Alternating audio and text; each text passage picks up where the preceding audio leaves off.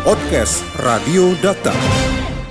Rekan data sejak kasus COVID-19 meningkat di Indonesia, berbagai permasalahan sosial dan ekonomi muncul di tengah masyarakat dan tak dapat dipungkiri jika COVID-19 telah hampir melumpuhkan kondisi sosial ekonomi masyarakat Indonesia, khususnya di beberapa daerah dengan tingkat penyebaran tertinggi.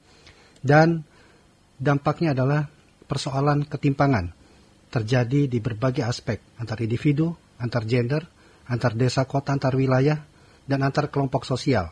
Sementara itu upaya untuk memerangi ketimpangan membutuhkan waktu yang tidak sebentar atau cukup lama agar dampaknya dapat terlihat dan dapat diuraikan secara jelas.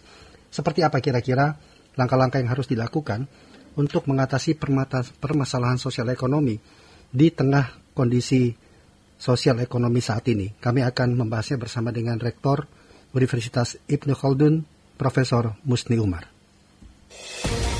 Dokter Radio, bijak dan cerdas. Assalamualaikum Prof Musni. Assalamualaikum warahmatullahi wabarakatuh. Selamat pagi, apa kabar? Alhamdulillah baik, sehat Prof. Gimana kabar Prof? Ah, baik aja. Bentar lagi nanti mau ke olahraga. Ah, Alhamdulillah baik.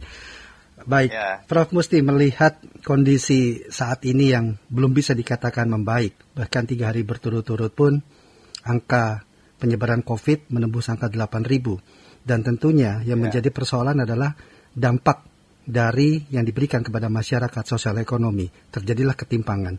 Kalau Prof melihat seperti apa ketimpangan yang sudah terjadi hingga saat ini, Prof? Ya, eh, terima kasih. Pertama kita uh, saya ingin menyampaikan bahwa tahun 2020 ini yang baru kita lalui ini adalah tahun kesedihan. Kalau dalam bahasa Al-Quran itu Amul Khuzni ya, mm-hmm. tahun kesedihan. Jadi kita memang bersedih luar biasa akibat COVID-19 ini kan dampaknya pada ekonomi. Ekonomi itu runtuh, uh, uh, boleh dikata hancur ya, dan kemudian banyak sekali PHK. PHK bergelombang terus-menerus terjadi dan dampak dari PHK itu kan terjadi kemiskinan yang meningkat ya. Yeah. Walaupun uh, eh, BPS mengatakan bahwa jumlah kemiskinan itu sekitar 26 juta, tapi itu kan karena garis kemiskinan yang sangat rendahnya ditetapkan sekitar 15 ribu. Padahal siapa yang bisa hidup dengan 15 ribu untuk satu hari, satu orang. Uh, ini tidak hanya kemiskinan yang meningkat, tapi juga meningkat perceraian kita lihat mm-hmm. uh, ramai sekali orang datang di pengadilan agama dan itu karena kehidupan ekonomi yang sangat tidak uh, memungkinkan mereka bertahan sebagai keluarga. Bukan hanya itu juga tapi uh, berdampak pada pendidikan. Banyak orang yang banyak anak-anak yang tidak bisa melanjutkan pendidikan karena uh, persoalan biaya uh, dan kalau keadaan seperti ini uh, terus berlanjut, uh, keadaan uh, semakin sulit keadaan kita. Pertama tadi seperti dikemukakan itu terjadi ketimpangan yang luar biasa. Jadi memang Indonesia sebelum terjadi COVID ini sudah terjadi ketimpangan. Jadi pembangunan yang kita laksanakan dari waktu ke waktu, terutama di era Orde Reformasi ini yang menikmati hasil pembangunan itu kan kalangan menengah ke atas yeah. masyarakat bawah itu tidak memperoleh gitu ya uh, secara maksimal hingga mereka tidak bisa naik tingkat ya. Uh, dan keadaan ini lebih parah lagi kan karena agak beda krisis tahun 1998 uh, yang terkena itu kan memang para pengusaha-pengusaha besar ya. Mm-hmm. Uh, tapi masyarakat, para petani itu masih bisa memperoleh hasil yang memadai dengan uh, meningkatnya apa ini uh, harga-harga uh, komoditas pangan ya. Tapi sekarang ini semua terpukul. Tapi yang paling menderita sebenarnya rakyat jelata karena mereka kan tidak punya ini uh, saving, tidak punya tabungan ya, tidak punya uh, properti yang mereka bisa jual atau mereka bisa gadaikan dan apa pun. Mereka hanya kalau bekerja hari ini untuk hari ini itu pun juga hasil mereka tidak tidak mencukupi. Nah, akibat COVID-19 ini lebih parah pada mereka mengalami. Jadi uh, selain itu juga uh, putaran ekonomi itu nggak berjalan dengan normal. Saya mendapat banyak uh, informasi dari berbagai daerah. Uh, itu daya beli masyarakat luar biasa tidak ada gitu. Yeah. Jadi orang mau dagang pun tidak ada yang mau beli. Yeah. Nah, karena masyarakat kan tidak punya uang. Relatif yang baik kehidupannya itu bisa bertahan adalah mereka yang pegawai pemerintah. Tapi kan itu hanya sekitar 4 juta jumlahnya yang uh, 200 200 ini 240 juta itu ada ada 230 juta itu kan rata-rata bekerja dari hasil penghasilan karena putaran ekonomi yang begitu uh, berjalan dengan baik.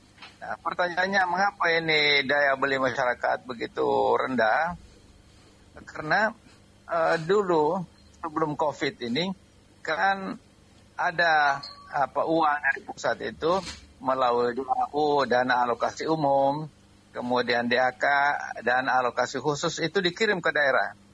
Jadi dari uang itu kemudian mereka eh, pemerintah daerah uh, mengalokasikan ada untuk pembangunan visi, pembangunan macam-macam semuanya dan rakyat itu kemudian mendapatkan manfaat dari pembangunan yang jalan itu. Hmm. Nah, pada saat Covid ini saya mendapatkan informasi bahwa itu yang ditransfer itu hanya untuk gaji toh. Hanya gaji. Itu pun juga ada yang uh, sering terlambat gitu.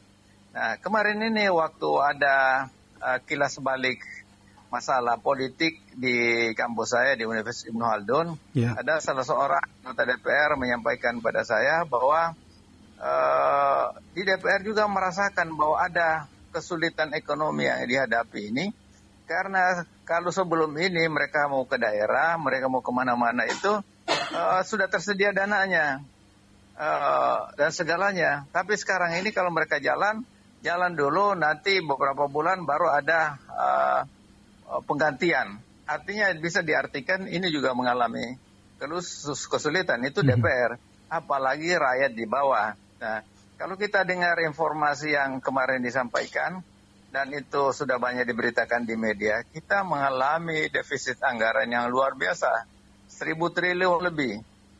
Dan itu semuanya ditutup dengan utang.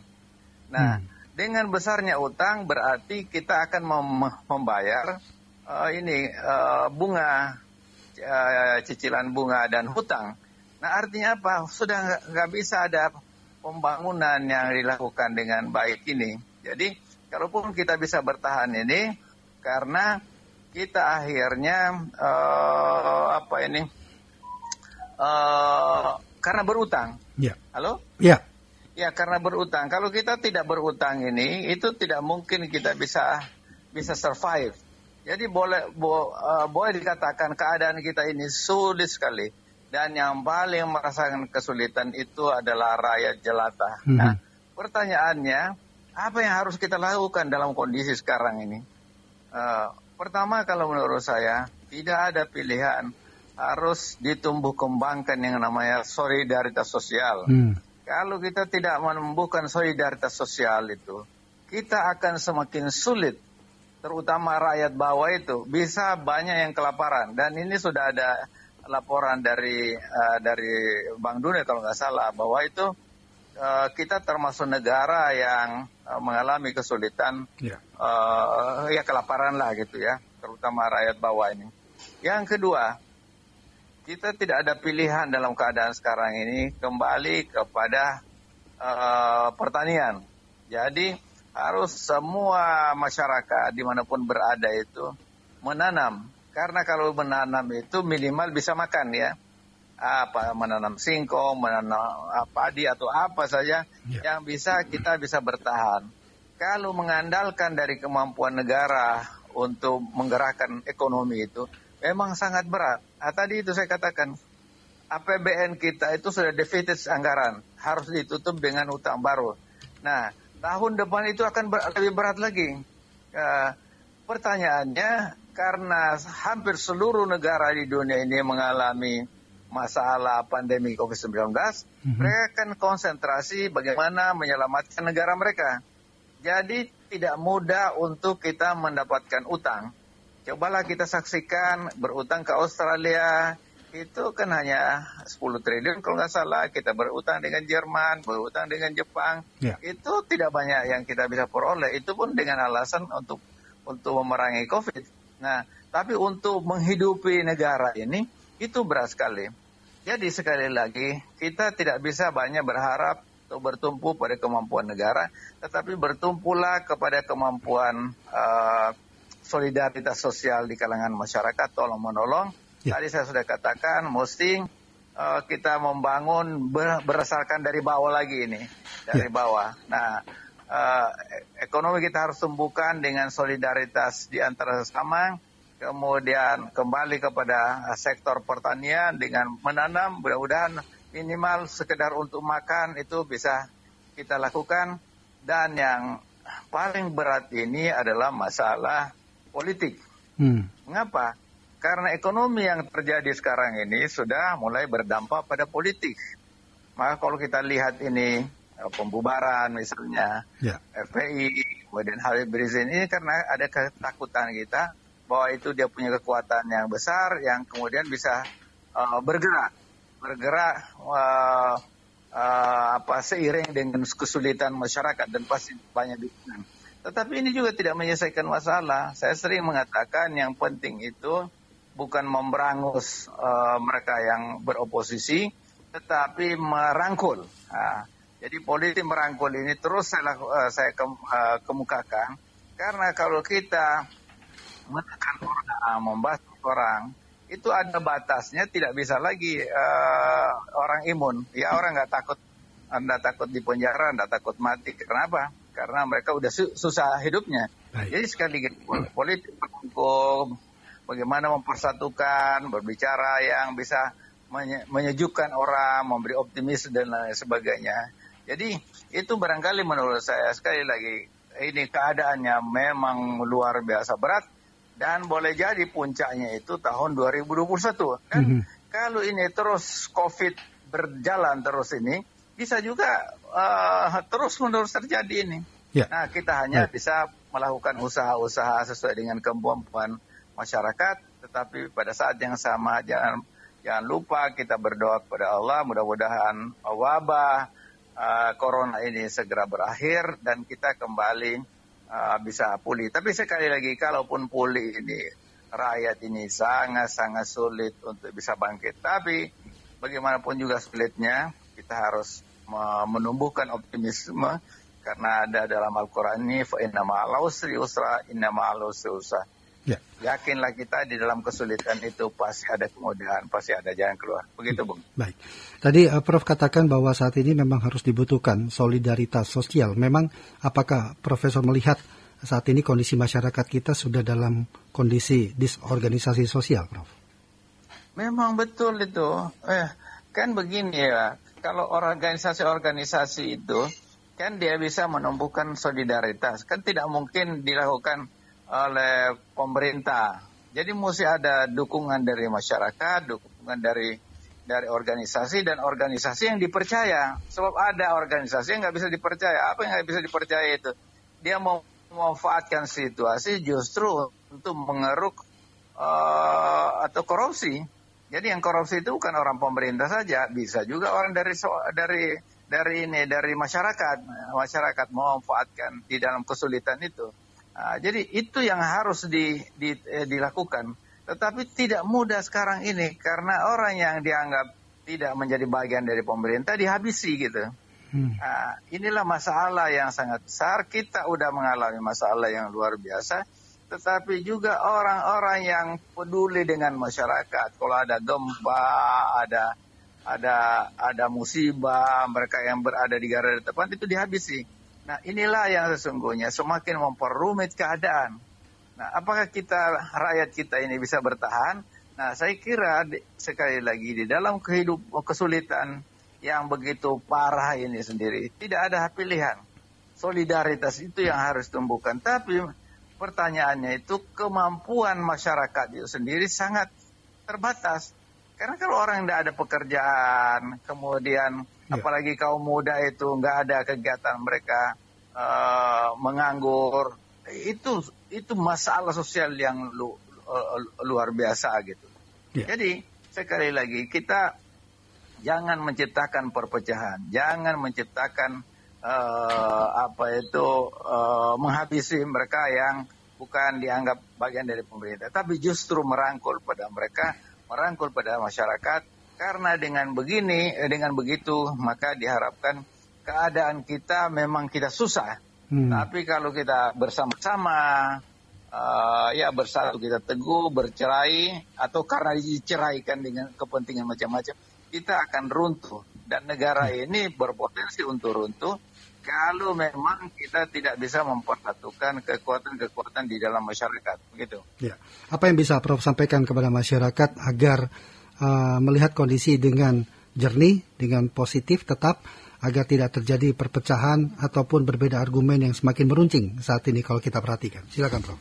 Ya, jadi begini, masyarakat kita ini adalah masyarakat yang beragama. Ada memang yang mengatakan ini mabuk agama.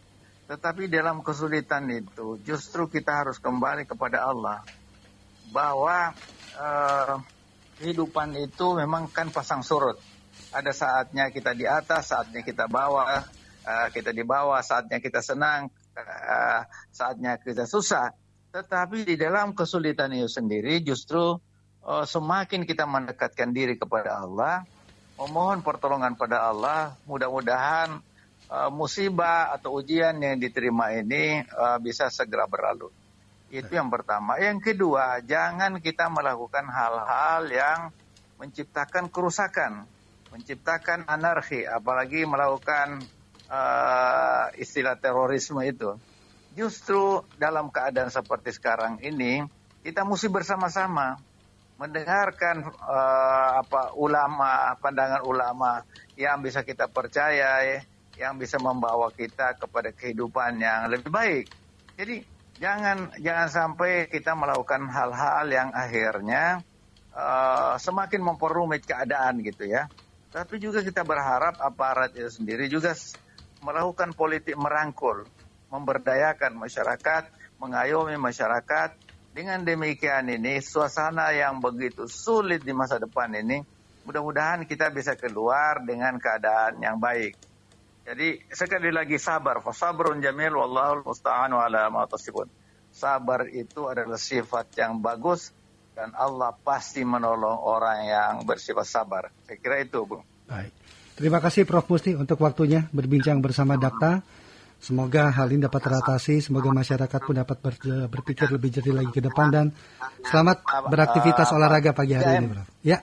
Ya, 3M ya uh, memakai masker, menjaga jarak, kemudian ini apa mencuci mencuci tangan dan yeah. juga menghindari kerumunan massa. Terima kasih. Terima kasih, Bro. Sekali lagi. Wassalamualaikum warahmatullahi wabarakatuh. Waalaikumsalam warahmatullahi wabarakatuh. Podcast Radio Data. Anda cukup masuk ke mesin pencari Google atau lainnya dan tinggal mengetik podcast Radio Data. Podcast Radio Data, aktual dan informatif.